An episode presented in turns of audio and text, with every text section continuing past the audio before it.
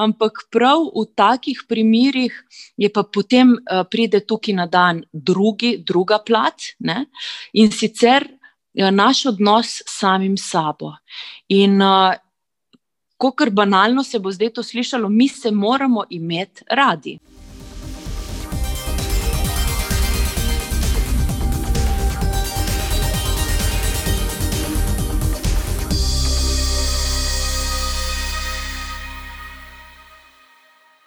Hej, hej, lepo pozdravljeni in dobrodošli v pogovorni oddaji brez dlake na jeziku. Danes z mano je Tinkara Kovač. Tinkara, dobrodošla in hvala, da si se odzvala na povabilo.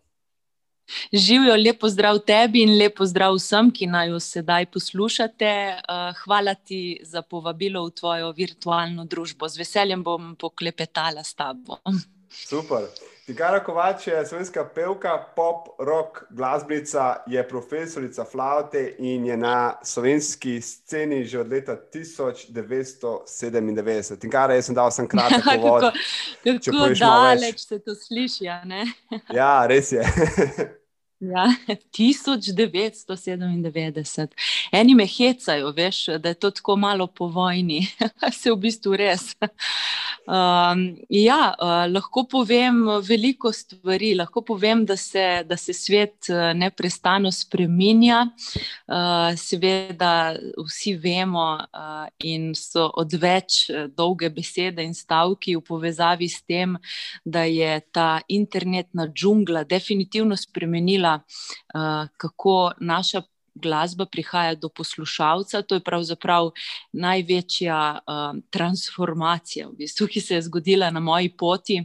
Jaz več ali manj ostajam tako, kot sem, imam rada glasbo, tam je bila postavljena uh, v grlo, že odkar sem se rodila. Jaz sem v bistvu posnela in zaslužila svojo prvo plačo ne, uh, pri eni gledališki predstavi, ko sem imela pet let. In takrat sem dobila, tako smo temu pravili, tistemu, tistim dinarjem, takrat, da sem dobila uh, za plačo uh, eno rdečko in eno zelenko. Ne. To je bilo, ne, ne vprašaj me, koliko nul je bilo gor na, na papirju, na denarju, tam enih, vsaj enih šest. No. Prava bogataša domačinja. Ma, glej, predvsem zato uh, bogata uh, v sebi, ker glasbo nosim vedno s sabo in se ta prepleta uh, uh, v mojem življenju na vseh ravneh. Uh, in uh, sem profesionalna glasbenik v bistvu od svojega 18. leta. Eh, takrat je bilo tudi tako, da je Danilo Kocijančič, eh, ki eh, ga poznamo kot nekakšnega slovenskega Johna Lennona ali pa Paul McCartneyja, ne? Mm, žal pokojnega, je v bistvu me čakal, da postanem polnoletna. Veš? In smo začeli snemati moj prvi album, že ko sem bila stara 17 let, in smo tako natempirali, da gre veter z juga kot moja prva skladba, ki me je pripihala na to sceno. Uh, v Eter, um, ko sem imela. Uh, Torej, 17 let in pol, da se je potem zgodilo, da sem na festivalu Melodi Morja in Sonca na mladi sceni zmagala s pesmijo Ne odhaja poletje, ki pa se je uh, zgodila tisto isto poletje, in čez en mesec, čez en mesec sem torej postala polnoletna. In, um, Potem se je zatem uh, tudi kmalo zgodil moj prvi album, ki je že uh, prejel uh, album, mislim, nagrado za najboljši album leta in tudi za, jaz sem prejela nagrado za debitantko. Tako da se je krasno začelo in krasno se v bistvu tudi nadaljuje. Če omenim enega od svojih zadnjih uspehov, je to prav lansko leto, tudi poletje, tudi melodije Morja in Sonca, že tri tretjič uh, zmaga in to lani trojna zmaga za najboljše besedilo, najboljšo glasbo in uh, najboljšo, um, najboljši nastop, torej glavno nagrado Melodije Morja in Sonca. Ja, fantastično, čestitke, Tinkara, full over. Hvala. Povej mi uh, o svoji poti, povej mi, kaj je en.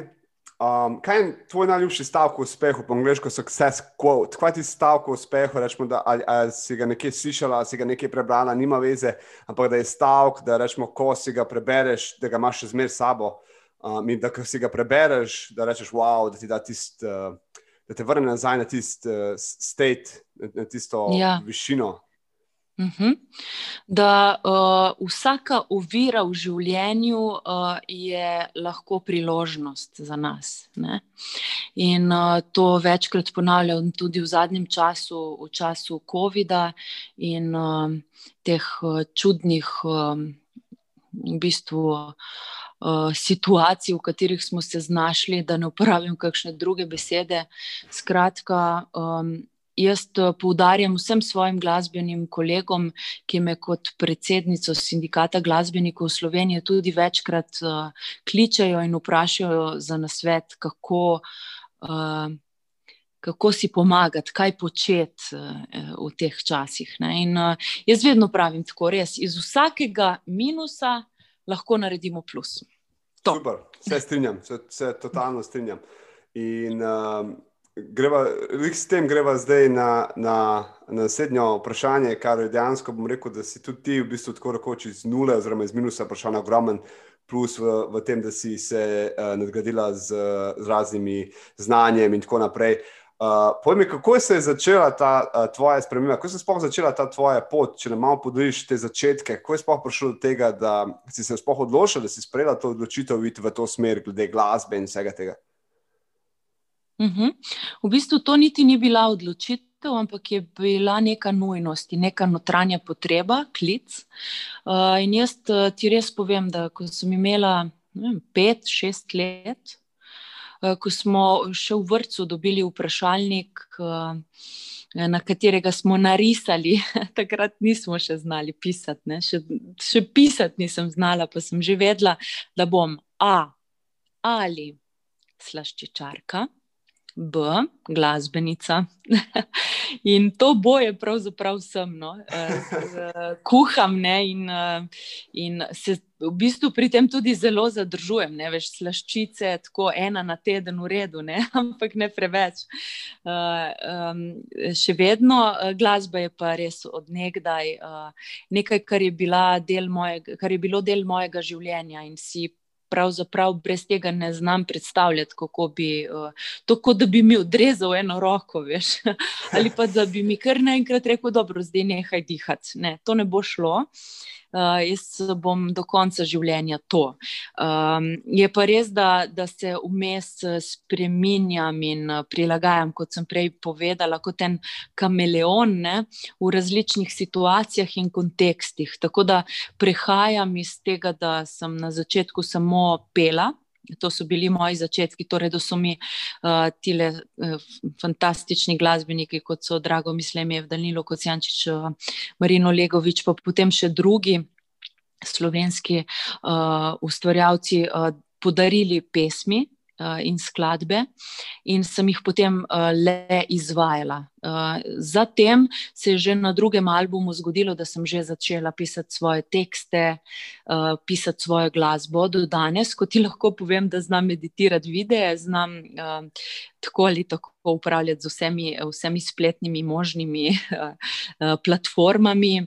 Um, In uh, si naredim sama svojo spletno stran. Uh, doma imam svoj uh, studio, video studio, opremljen z vso potrebno opremo uh, za visoko resolucijo, potem imam pa tudi doma svoj studio za snemanje uh, glasbe, seveda.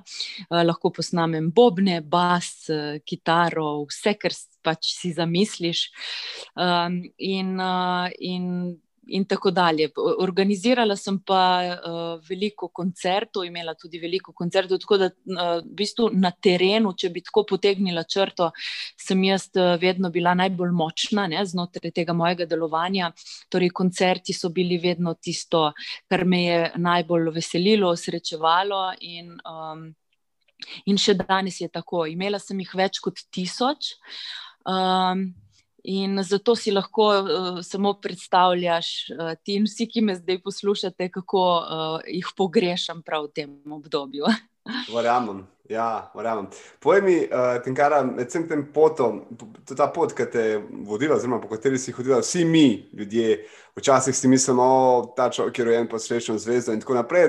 V bistvu vsi imamo neko tako potem zgodbo, si sami se prodajamo v glavi, da nekdo, ki uspe, je rojen pod srečno zvezdo ali pa v on je imel V glavnem pa ni res tako, ne? ker sem uh, zelo veliko ljudi različnimi, z različnih zgodb govoril in verjetno tudi ti med to potjo si imela, bom rekel, slabe trenutke. V bistvu, jaz temu rečem, kot si sama rekla, izzivi. Kaj so bili tisti največji, ja. največji izzivi, s katerim si se dejansko soočala, oziroma srečala na tej poti in kaj me tle še najbolj zanima, tinkara, je to, kaj si se naučila iz tega, kaj si odnesla iz teh uh, izzivov. Uh -huh, uh -huh. Ja, vedno je bilo tako, da uh, me je rešilo to, da sem pomislila samo na uh, dejstvo, da nisem sama. Uh, prijatelji, ekipa, uh, družina, uh, pa tudi širjenje svojega ustvarjalnega kroga uh, je vedno tisto, kar uh, nas lahko reši. In um, ta občutek, da nismo nikoli sami, se veš, je tako pomemben in nepogrešljiv uh, na vseh nivojih našega življenja, od tistega osebnega do tistega profesionalnega. In zato tudi, recimo, ko so me uh, pred časom um, povabili, da imam uh, eno učno uro v eni od osnovnih šol na primorskem in da razložim, kaj je ta poklic poklic glasbenik, ne, sem uh, uh, v bistvu naredila eno tako interaktivno uro, uh, na kateri sem dodelila uh, različne vloge in poklice uh, vsem vzbranim uh, otrokom, ki so bili v tisti učilnici. In uh, prešteli smo, pazi, 52 različnih profilov in poklicov, ki uh, služijo na, uh, le temu namenu, da na koncu jaz na odru uh, v najlepši možni formi odpojem skladbo. Ne? In uh, veliko krat se spomnim tudi na Eurosong. Uh, to je bil, bil kar velik zalogaj. Uh, jaz mirno povem, na glas povem, da Slovenija je normalno manjša država, zaradi tega si tudi ne more privoščiti, da bi imela visoke budžete uh, pri teh podvigih, ne, kot je potovanje v neko tujo državo in tam predstavljanje. Mislim, predstavitev lastne države s skladbo uh, in z odrskim nastopom in z vsem, kar spada zraven. In spomnim se, da takrat z minimalnim budžetom, pri katerem smo celo zračunali, da, da v bistvu. Mi sponzoriramo tako rekoč to našo pot, ne, sami glasbeniki na Dansko. Uh, rekla takole, ok, zdaj smo v tej situaciji, kaj narediti? Uh, številka A, pokliči vse upletene v ekipi in se pogovarjamo. Deset ur, če je treba, smo skupaj, in uh, vsak bo prevzel odgovornost za določen segment, in bo vodil ta segment do konca projekta. B. Eh, tudi če smo med sabo, mogoče, če recimo pride do nekih trenj, ne, če ti nisi simpatičen, unemu, oni ni simpatičen tebi, sem vsem rekla: Gledajte, zdaj bomo 14 dni skupaj in smo na isti barki in imamo isti skupni cilj, da gremo v finale če ne gremo v finale, Slovenija od tistega leta naprej ne gre več na Eurosong. In točno to se je tudi zgodilo, da potem mi smo šli v finale. In uh, jaz tega ne razglašam na glas, ampak lahko povem, da tudi moje zasluge za mojo pridnost ne, in mojo v bistvu determiniranost v delovanju takrat na Eurosongu je pomenila to, da Slovenija še vedno participira. Uh, tako da, torej, kaj smo rekli, ponavljam. um, se mi vidi, ne, da mislim, se mi sliši, da je moja mama učiteljica. torej, številka A, ekipa, nisi sam, nikoli nisi sam, pokliči, vprašaj. Uh, uh, ne vem, piši preko spleta, piši, če nimaš možnosti v živo. Če imaš možnost v živo, vprašaj strico, teta, mamo, vse možne ljudi, ki jih imaš okrog sebe. Uh, poišči ljudi in, in, in, uh, in uh, v bistvu zavedaj se, da nisi iz, e, sam, uh, da imaš tale problem ali pa ta izziv. Drugo, uh, uh, deli v bistvu vse svoje misli, uh, svojo ekipo, komuniciraj v najvišji mož, možni meri. Potem, tretje, sem rekla, odgovornost, prevzemaj odgovornost za, za svoje dejanja in za svoje naloge, in prav tako jih dodeli pač svoji ekipi. Ne? In če se to zgodi, potem tukaj sploh ni vprašanje. Zdaj, ali se bo cilj zgodil ali ne. ne. Kar se tiče tega, biti pra, ob pravem trenutku na pravem mestu, je pa tako. V življenju se mi je tudi zgodilo, da sem se maksimalno za nekaj potrudila, in potem se je zdelo, kot da enostavno ta, ta zadeva, ta projekt ne, se ne bo uresničil. Ko sem uh, dobila toliko krat potrditev ali pa neke signale ali pa znamenja, da to ne gre in da rinem v bistvu z glavo skozi zid, sem pa potem pustila tistih, da je več deset procentov, ki se jih reče usoda. Ne? In uh, ko vidiš, da pač so stvari, ki niso več v tvoji moči, se usedeš na kavč, vdihneš, si narediš eno kavo ali čaj in se ustaviš in malo počakaš, in potem uh, vidiš naprej, kako bo. Ne. Jaz sem uh, se veliko krat prej, ko si rekel, quote. Ne. Recimo en quote, ki je tudi super in fantastičen, in bi ga rada z vami delila, je uh, citat uh, iz knjige Alica od v, v čudežni deželi od Lewisa Carola. In sicer uh, Alica pride na razpotje in uh, je tam um, tak smirokaz, ki kaže vse možne smeri. Ne vem, če se spomniš tiste scene. Tak zelo schizofreničen smirokaz, skratka, uh, kaže v, v gor, dol levo, desno, sever, jug, vzhod, zahod, vse, kar je vmes. In Alica tako obstane pred tem smerokazom in reče: ah, Kam pa zdaj naj grem? In potem se seveda pokaže mačka smejavka in reče: Ja, Alica, kam bi pa rada šla? Ona ji odgovori: Ja, ne vem. In uh, potem mi uh, mačka odgovori, in reče: Če boš dovolj dolgo hodila, boš prišla na cilj. ja. Ja, se strinjam. ja, dejansko je res pomembno, da se ljudje premikamo, ne, da ne mislim, sanjamo. Ja, se strinjam tam, kar si rekla. Dobro si povedala, ti, da si narediš kavo ali pa čaj. Ne sem jih hotel reči, da ja. uh, si vzameš trenutek za sprostitev in rečeš. Kogarkoli, kdorkoli, kakšno koli ima prepričanje, Bog, univerz, življenje, zdaj pa ti uh, naredimo ja. še svoje zraven. Um, ja, ja, definitivno, definitivno uh mhm. -huh. se strinjam. Prej si omenila to, da, da ej, mi je bil všeč tudi ta del, kako si predstavlja, kako uh, rešiti problem. Ker jaz sem prepričan, da če Aha. problem pride v življenje, ne glede kakšen je, oziroma izziv. Pride samo z razlogom, ker obstaja rešitev. Drugač ga ne bi bilo. Um, sem govoril z ogromnimi ljudmi, to, res z ogromnimi ljudmi, in vsi so imeli neke ali podobne izzive, ali pa čist drugačne izzive.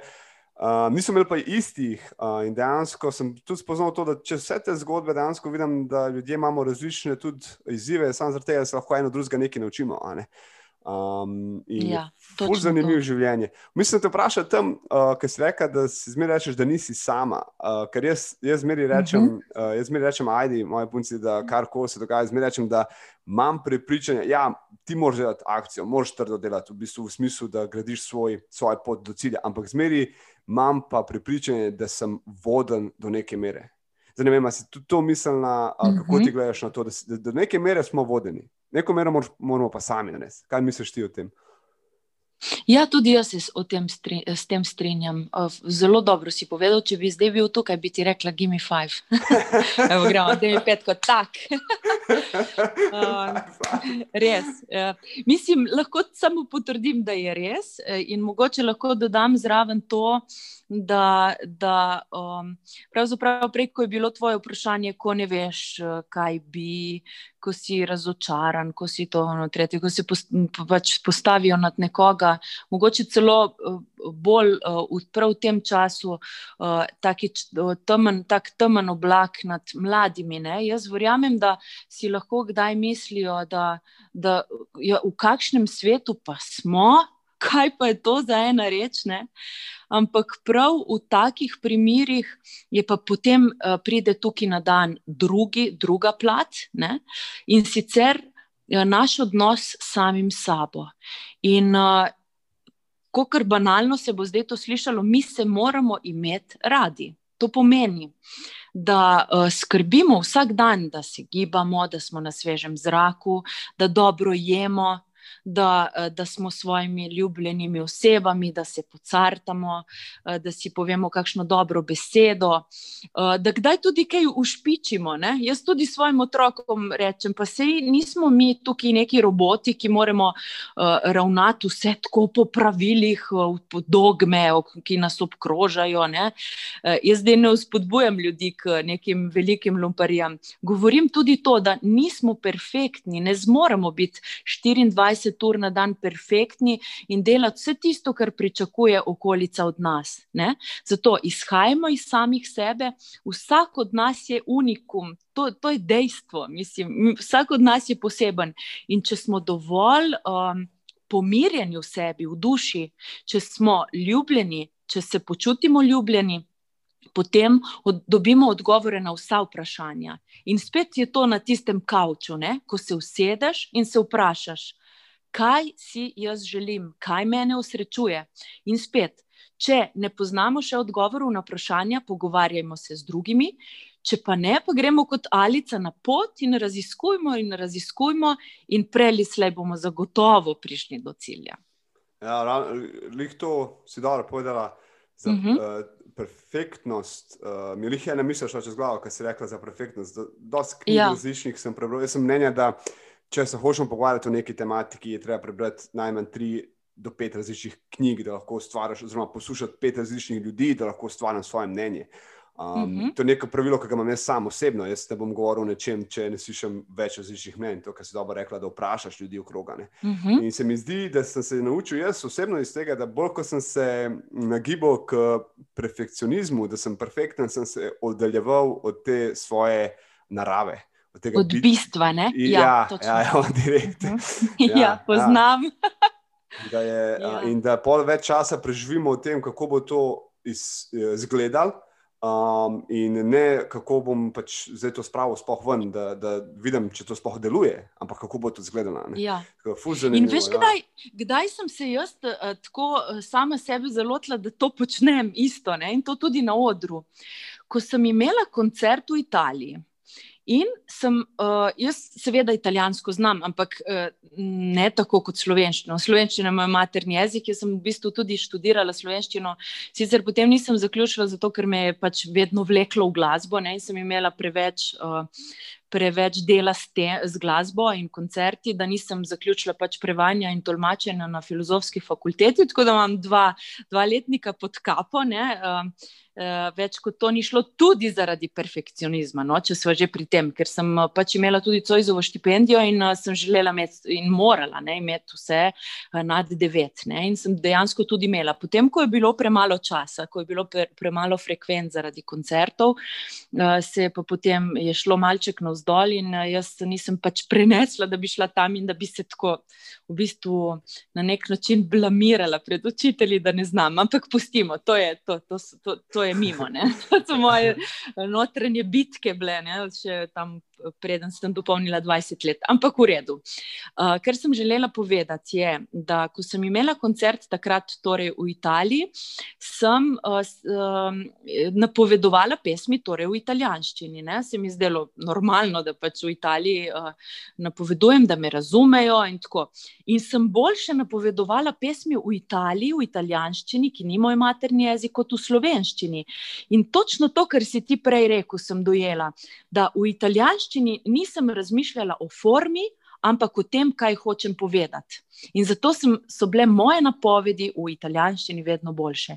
In takrat sem, potem, ko sem se snemala ne, in gledala koncerte in secirala, ne, kot en kirurg, kaj je bilo dobro in kaj bi bilo uh, boljše, sem potem res te napovedi. Uh, tako sem, si, sem se samo preden sem šla na oder, rekla, da je pozabi na te besede, na formo, na obliko, kako uh, ti razmišljaš samo o tem, kaj bi rada sporočila. In od takrat naprej sem se v bistvu naučila naprimer na odru, da ta perfekcionizem je čisto odveč, res odveč, um, kjer mi pride prav in kjer je dobro, da, da je prisoten, um, je pa pri snemanju. Ne? Tako da v bistvu jaz res si želim in vedno stremim k temu, da dam uh, od sebe tak izdelek, ki je res natančno narejen in vložim zelo veliko časa v to, ker se zavedam, da moja glasba bo ostala zavedno.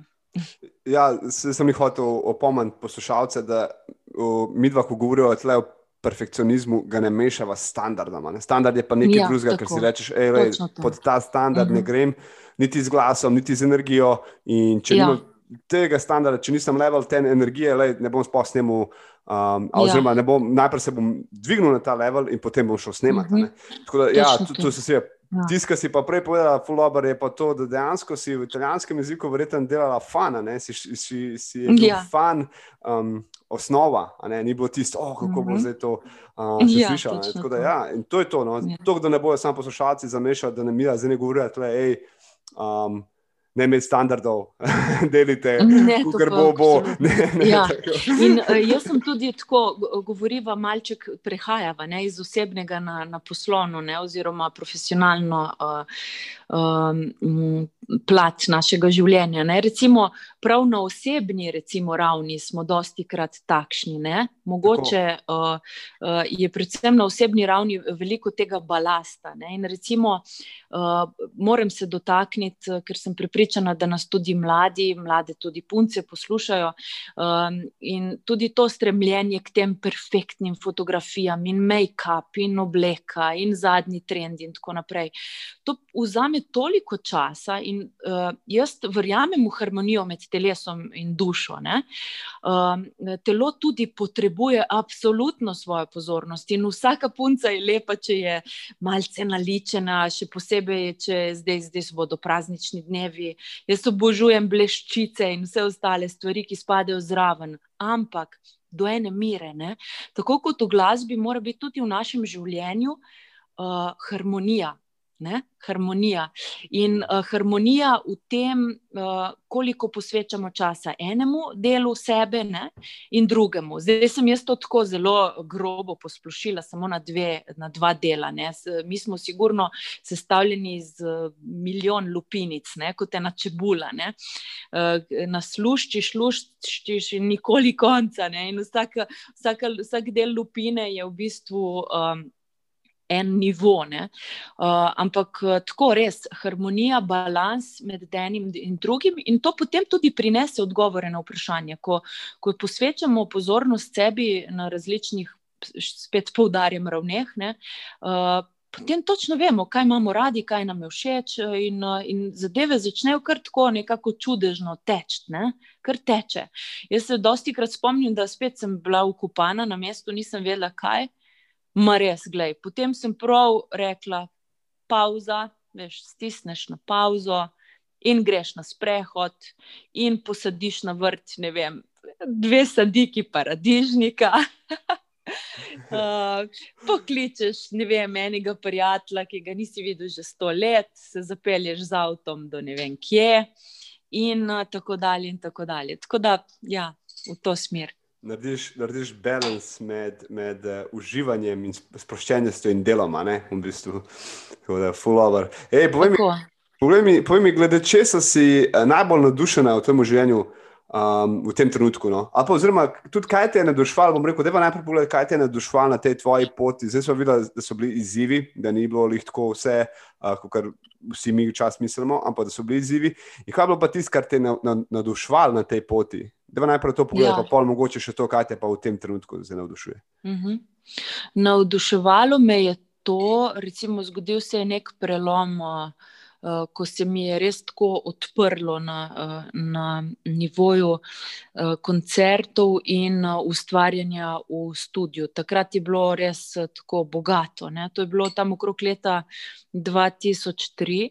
In uh, takrat je, uh, se je zgodilo slednje, da sem s svojim producentom bila uh, uh, v studiu zvečer in smo snemali moj nov album Orange. To so bile skladbe med zemljo in zrakom, spet sakori uh, in tako dalje. Uh, in uh, takrat me je vprašal, no, če bi zdaj imela čarobno palčko in bi um, lahko povabila v studio uh, kogarkoli na celem svetu, da bi z njim sodelovala, uh, kdo bi to bil.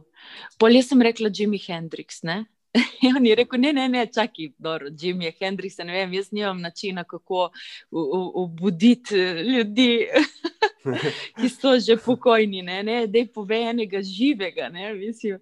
A ja, ti misliš prav tako konkretno, za res, ne? In mi potem reče, ja, ja, seveda, za res, kaj pa, mislim. In potem... Um, sem jaz rekla Ian Anderson. Zdaj, mlajše generacije tega možakarja, takega škrata iz gozdov uh, severne Anglije, ne pozna uh, veliko ljudi, v mladih generacijah, starejši pa vejo, da je on legenda in da je on v bistvu prvi in največji rock flautist na svetu, ki je igral tudi na Woodstocku, naprimer, pa na Isle of Wight. In uh, jaz mu pišem, mu pišem pismo in to na šest različnih internetnih uh, naslovov. In pisala sem mu točno eno leto in pol. In takrat nikoli nisem dobila odgovora. In pol rečem, ja, dobro, kaj pa zdaj? Aha, ok. Imajo koncert v bližnji Italiji, v Videmu, ki je od mene daleč približno eno uro. Grem. In grem na koncert, albuma Orange je bil že posnet, na njem tudi veliko flaute. In potem sem v zakulisju čakala tri ure in pol. Spomnim se, da se mi je takrat zlomila peta na, na čevlju. In, in da sem potem uh, se postavila v zadnjo vrsto, v dolgo vrsto fanov. In vsi fani so seveda nekaj hoteli od njega, podpise, uno, tretje. Jaz sem pa kot zadnja v vrsti rekla, uh, jaz pa za spremembo od ostalih ne želim nič od vas, ampak bi se vam rada zahvalila za, um, za vaš navdih ne, in glasbo, in predvsem rock flauto. Jaz tudi igram flauto in potem on se tako začudi, reče, kaj je res. In so rekli, ja, res, res. In tukaj je uh, CD, ki vam ga podarim v zahvalo.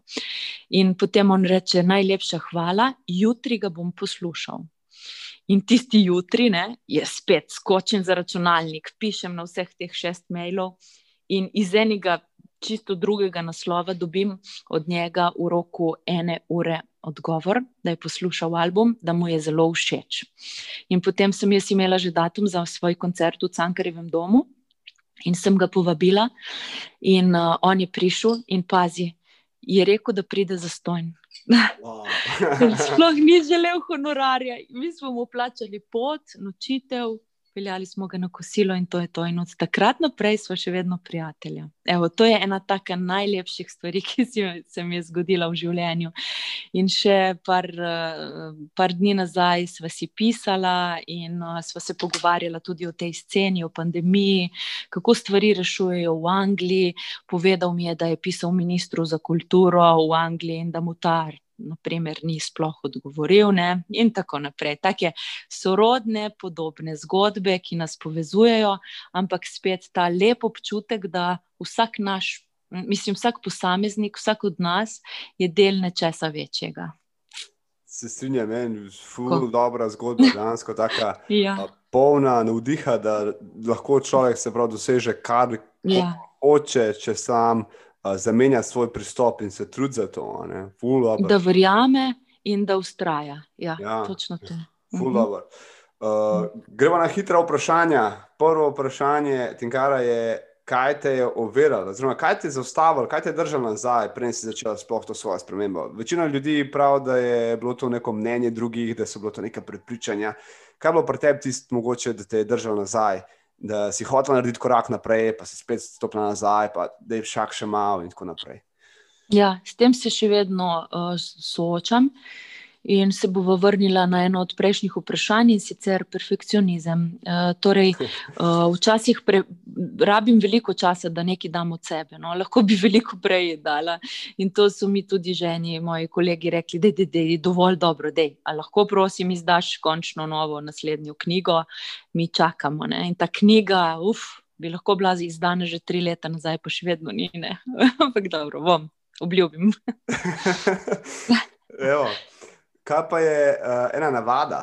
Kaj je ena navada, ki imaš, ki ti je pomagala na tej poti uh, k spremembi, k uspehu in da imaš še zmeraj danes? Uh -huh. uh, navada, ki sem jo dobila že od, od uh, mislim, mogoče to no, ja, najbrž je navada. Ja. Jaz zelo veliko berem. ogromno berem. Jaz berem že odkar sem imela šest let, sedem let. Uh, sem v bistvu rekordno število knjig prebrala že uh, v osnovni šoli. In to je recimo ena taka stvar, navada. In pazi, jaz imam doma knjige, jih imam uh, nekaj tisoč, par tisoč, no mislim, da je tam okrog 2500, pa še enih 500 ali 1000 bom podedovala, tako da to je res obsežna zbirka. In moje knjige so samo moje, jih ne posojam in uh, ko jih berem, imam vedno v roki svinčnik. Tako da za me vsaka knjiga je učbenik. Se strinjam. Jaz sem se mogel naučiti, no, se sem tako malo se dotaknil. Jaz sem se danes, jaz sem najprej ja? prebral knjigo How to Read a Book, kako brati knjigo. O, bravo! no, nisem, nisem je še čist do konca, moram iti še čez, še enkrat, ker je tako malo bolj. Eh, narejena, ja. da res moraš res podati vse, kako narediti X-ray, ja. knjige, kako videti, ja.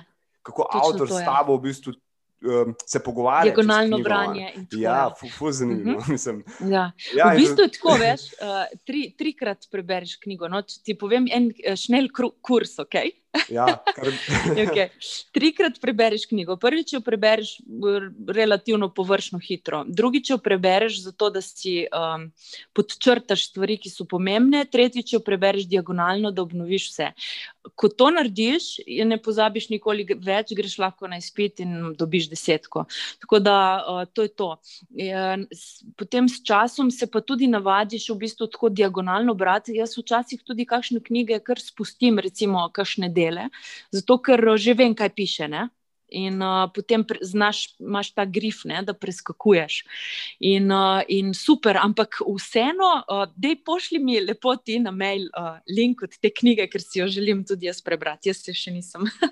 jaz sem imela to srečo, da sem imela super učiteljico v srednji šoli za italijanščino in me je naučila to. Ja. je zelo zanimivo, no, kako dejansko lahko že iz um, sam, bom rekel, platnice, pa iz tega lahko že malo vidiš, uh, koliko je ura. Ja, ja, ja. ja v katero smer. Ja šolo. Ne, da je sodaš, pazi, ne sodiva. Ne, ne, to, ja. Ampak imaš prav. Informirava se v uvodu ja. knjige. ja, točno uh. to. In veš, veš, da moj nono ne, je v bistvu bil um, revizor v tiskarni Jadran v Kopru. Uh, to je tako starodavna tiskarna, kjer so imeli še vne črke, eno po eno.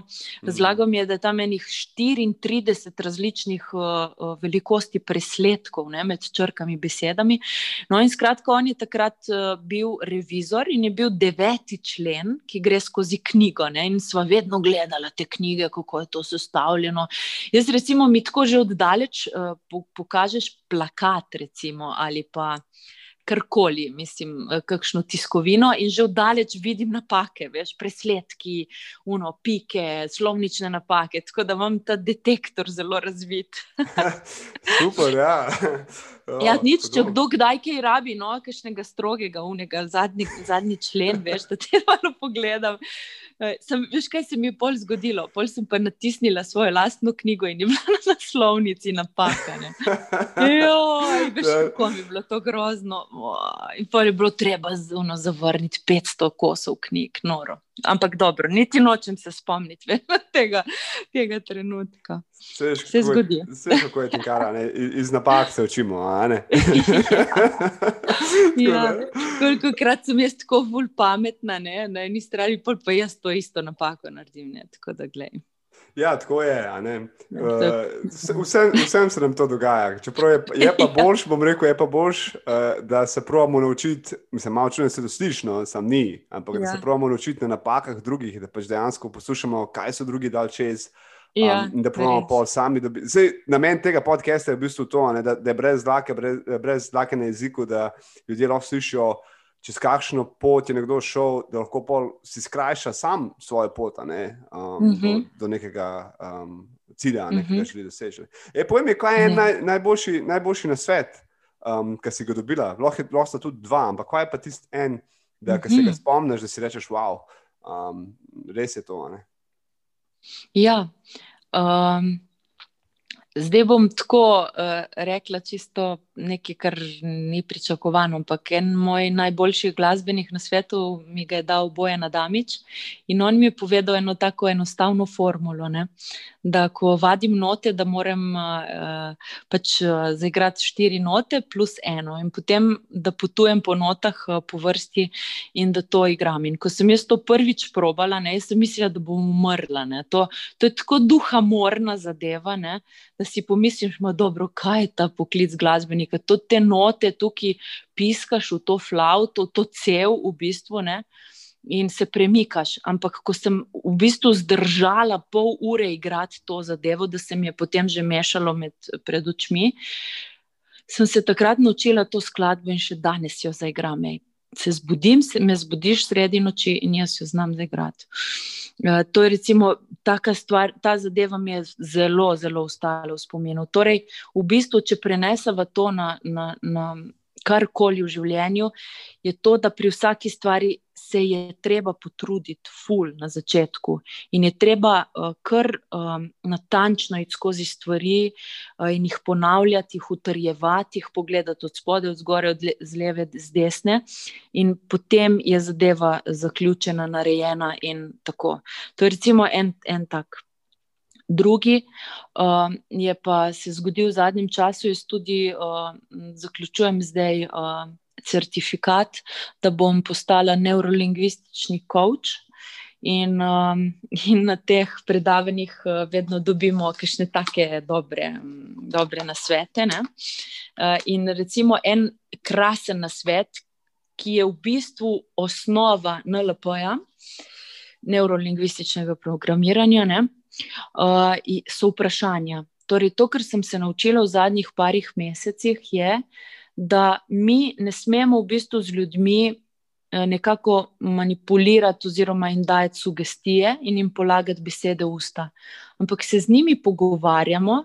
Ne na zadnji, tudi s svojimi otroci, recimo doma, ali pa če recimo učimo uh, koga. Mi mu postavljamo vprašanja, in če bo človek sam prišel do, do odgovorov, se bo stvari uh, bolj zapomnil in bo uh, tudi bolj učinkovit na tem določenem področju projektu. Evo. Se strinjam. Se strinjam, da so, da so vprašanja moč fokusa. Ja, ja. imaš ja, ful dobro. Ej, imaš ogromno knjig, si rekla. Kaj je ena knjiga? Vem, da boš težko eno knjigo priporočila, tako da je dve, da bi jo priporočila poslušalcem okay. brez znaka na jeziku eno romantično in eno, eno tehnično. Ne. Jaz berem večino zadnja leta strokovno literaturo in ena od teh knjig je The One Point je v angleščini. Lahko ti potem pošljem uh, fotko, lahko jo objaviš zraven, da jo bodo lahko tisti, ki poslušajo, videli. Um, in to je knjiga, ki uh, ti pravi, da se fokusiraš v življenju na eno stvar, in uh, da nisi razpršen. In da ta multitasking beseda izhaja v bistvu iz uh, računalnika, da mi ljudje niti slučajno nismo taki Napoleoni, ne? ampak da se v bistvu fokusiramo res na eno področje, na eno stvar in to sfuramo v bistvu do. Do maksimuma, tako kot je Bruce Lee pravil. Sigurno ste kdaj slišali, uh, ali videli tisti njegov mim, ne, ki v bistvu pravi, da on ni poznal tisoč uh, uh, različnih gest ne, uh, in jih obvladal, ampak je mogoče imel tri, ampak v teh je bil. Wow, ne, najboljši. Ne. Tako da ta The One Point je fantastična knjiga no, za, za vse, za življenje ali pa za poslovne, poslovno področje. Druga knjiga je pa ena super knjiga od enega mojega, v bistvu, Uh, urednik je en moj prijatelj iz Kopra, Andraž Gumbač. In uh, jaz sem zelo rada brala v srednji šoli knjige um, Cirila Kosmača. On govori o teh vaških posebnežih. Uh, in mogoče se celo malček ujema s tem, kar so se danes pogovarjali. To pač, da mogoče, če, če imamo neko. Neko napako, mi kot ljudje, napaka, govorim med navednicami, da lahko je potem točno ta napaka naša največja vrlina. Ne? Uh, recimo, Mike Jagger uh, ima obupno izgovorjavo. Uh, Uh, tudi jaz, recimo, sem hodila k logopedu, ne, prve dve leti v osnovni šoli. Ampak vsi govorijo, kako zanimive sičnike in šumnike imaš ti. Ne. V bistvu je to moja, moja napaka, ne. ampak ta napaka daje meni uh, neko razpoznavnost, ne, neko unikatnost. No in skratka, moj uh, prijatelj iz Kopra je našel še en kup enih neobjavljenih del od Cirila Kosmača in za vse tiste, ki so si mislili, da Cirila Kosmača več ne bodo mogli brati. Uh, je zdaj dobra novica, da je v letošnjem letu išla knjiga, uh, ki je izbrala veliko novih njegovih še neobjavljenih um, mislim, starih no, nje, njegovih neobjavljenih uh, del. In je super knjiga, naslov je Lovim pomladni veter. Fantastično. Ej, ful, hvala. Drugače bom prosil za mogoče uh, linke oziroma povezave, da lahko dam še noter. Okay. Uh, da lahko kliknejo. Okay, vprašanje, ki spremenijo življenje, Tinkara, prihaja proti koncu. In to je pa vprašanje, ki lahko nekomu spremeni življenje, ko posluša um, tale, tole oddajo. In sicer predstavljaj si, da bi zdaj mogla začeti vse iz začetka, da se vrneš nazaj v tisto tinkaro, ki je bila včasih, začenjaš še to celo spremembo. In bi mogla zdaj začeti spremembo, ampak imaš pa so znanje, uh, sposobnost in modrost, kaj imaš danes. Kaj je prvi korak, oziroma kaj je prva stvar, da bi ga naredila, um, da bi začela to spremembo? Aha, torej, če, če sem prav razumela vprašanje, če se vrnem na začetek svoje poti, Tako. kaj bi spremenila takrat? Ja, ampak da si zdaj mhm. začenjaš to spremembo, ne kar sem rekel, ampak imaš ja. pa zdaj vso to znanje, ki ga imaš danes. Okay? Wow! Ma super. Ja, jaz bi verjetno šla najprej študirati v Los Angeles Institute for Music in bi šla tako štiri leta tja in bi uh, uživala, in bi potem v bistvu gradila, uh, bi posvetila začetek svoje, uh, svoje kariere uh, še malček. Uh, Glasbenemu raziskovanju, da bi potem našla en tak res svoj izraz. Ne. Tukaj v Sloveniji, vse si vid, slišal prej, ne, so me pograbili, že nisem bila niti polnoletna, da gremo snemati, gremo snemati, hitro, hitro. Je. Uh, super. Pač, uh, to pomeni, da bom šla prej v penzijo, veš, kakšnih deset let prej, kot ostali, kar me tudi po eni strani veseli, ni panike. Uh, ampak uh, tako, res bi šla um, študirati v tujino. Uh, in uh, potem uh, bi uh, uh, mogoče uh, že prej uh, sama naredila svojo firmo, torej svojo založbo. In uh, bi potem imela res vse tako kot danes, ne, studio, vse pač v svojih rokah, in bi potem posledično, mogoče v prvem delu svoje kariere, recimo prvih deset let, bi posvečala najbrž svojim delom, uh, drugih deset let bi pa rada tudi druge uh, glasbenike uh, snemala in bila njihov producent. Evo, to bi spremenila. Ja, ker dosti stvari, ne? ampak ok. V osnovi govoriva o, o tem, da bi dala v malce nižjo prestavo z namenom, da ustvarim res platformo 360 stopinj, na kateri potem lahko delujem.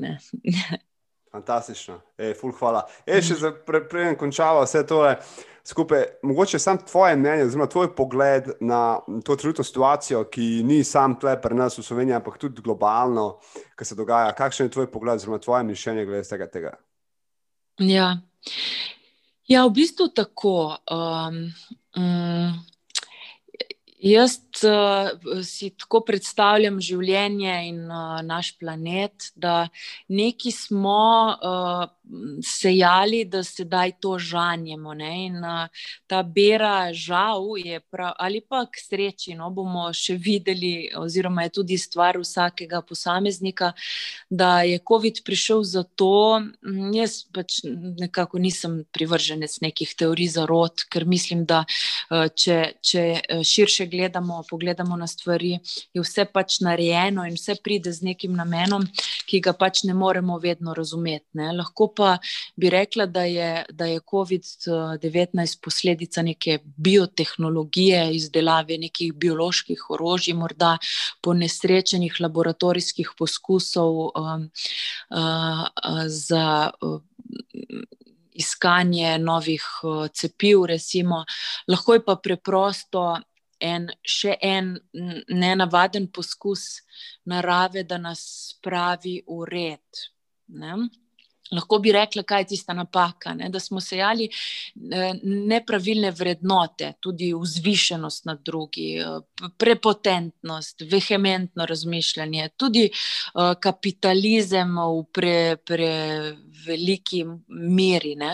In, in to razmišljanje, da mi lahko vse delamo, mi smo vse mogočni, da zaloge vsega so neomejene, da gremo lahko proti naravi, da si jo lahko podrejamo, da skočimo na letalo letalo in gremo na kavo v Pariz, in potem pridemo nazaj in smo blazno velike face. Ne? In um, tako, uh, eni ljudje pač. Pravijo, da, da je dobro, da se je to zgodilo, da se bomo uh, naučili živeti z manj, oziroma Jaz uh, sem v svojem voščilu v letošnjem letu zapisala, da jaz vsem želim, da bi rasli ne v višino in širino, ampak v globino. In uh, COVID je tukaj, da nas to nauči. Zelo zanimivo. Ja, se strinjam tudi s tem, da uh, vsak preseb, kar bo sejal, bom rekel, že na uh, čustveni ravni, bo definitivno, uh, oziroma sejal, bo definitivno uh, že kasneje. Uh, Tikara, imaš še kakšne um, uh, misli, besede za, za konec? Ja, jaz eh, se najprej tebi zahvaljujem za, za, za povabilo in uh, ko mi čakam, da, da se še kdaj srečava, tudi v živo. Uh, čeprav v zadnjem času vedno bolj ugotavljam, da tudi ekran ni tako velika uvira, če gre za odnos. In, uh, mislim, da smo zdaj znotraj, znotraj tega intervjuja postala že kot dva prijatelja, veš, ki sta na kavi. Ne? Sem kava manjka, v bistvu tudi kava ne manjka, ki jo imam tukaj zraven. je vse na svojem mestu in uh, hvala ti za to uh, izkušnjo. Kar bi rada na koncu povedala, uh, je, da sem se odločila, da ob zaključku tega leta uh, organiziram koncert. Uh, in sicer uh, bom v Tartinjevi hiši uh, iz Pirana dala na splet koncert, in znotraj tega koncerta bom imela tudi stik s publiko. Uh, in uh, virtualne vstopnice bodo kmalo na voljo na mojem Facebooku in na moji spletni strani, ki bo obnovljena, frišna, lepa izpod tuša, prišla čez par dni in to bo tinkarakovač.si. Če kdorkoli želi, da bi stopil v stik z mano z velikim veseljem, jaz se rada tudi pogovarjam. In kot sem prej povedala, uh, če se kdaj kdo od vas počuti sam, če ne ve, kako bi naprej, gledajte, jaz sem tu z veseljem odgovorim na kakšen vaš mail in vam ulijem tako malo te svoje energije, pozitivne, ker je imam uh, veliko za deliti. Super, super. Evo, se boš dala itek še link, uh, da dam jaz lahko v, v opis v oddajanju, da lahko kliknejo na stran in malo več glede koncerta. Tako da, Tako. evo, super. Uh, Tekara, hvala ti še enkrat. Um, hvala tebi.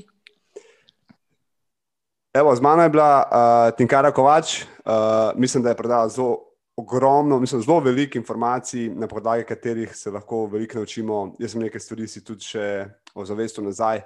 Um, zelo super primerjava, glede kaj se je, što požanješ, tudi v globino je treba iti v življenju v čas. In mislim, da smo se lahko veliko iz tega naučili, um, če ne drugega, vsaj to, da je pomembno, um, bomo rekel, se pogovarjati z ljudmi in da na koncu vse, kar ostane, je odnos. Evo, hvala, ker ste poslušali tole oddajo. Želim vam še naprej en čudovit, čudovit dan, poln pozitivne energije um, in se slišimo k malu. Čau, čau.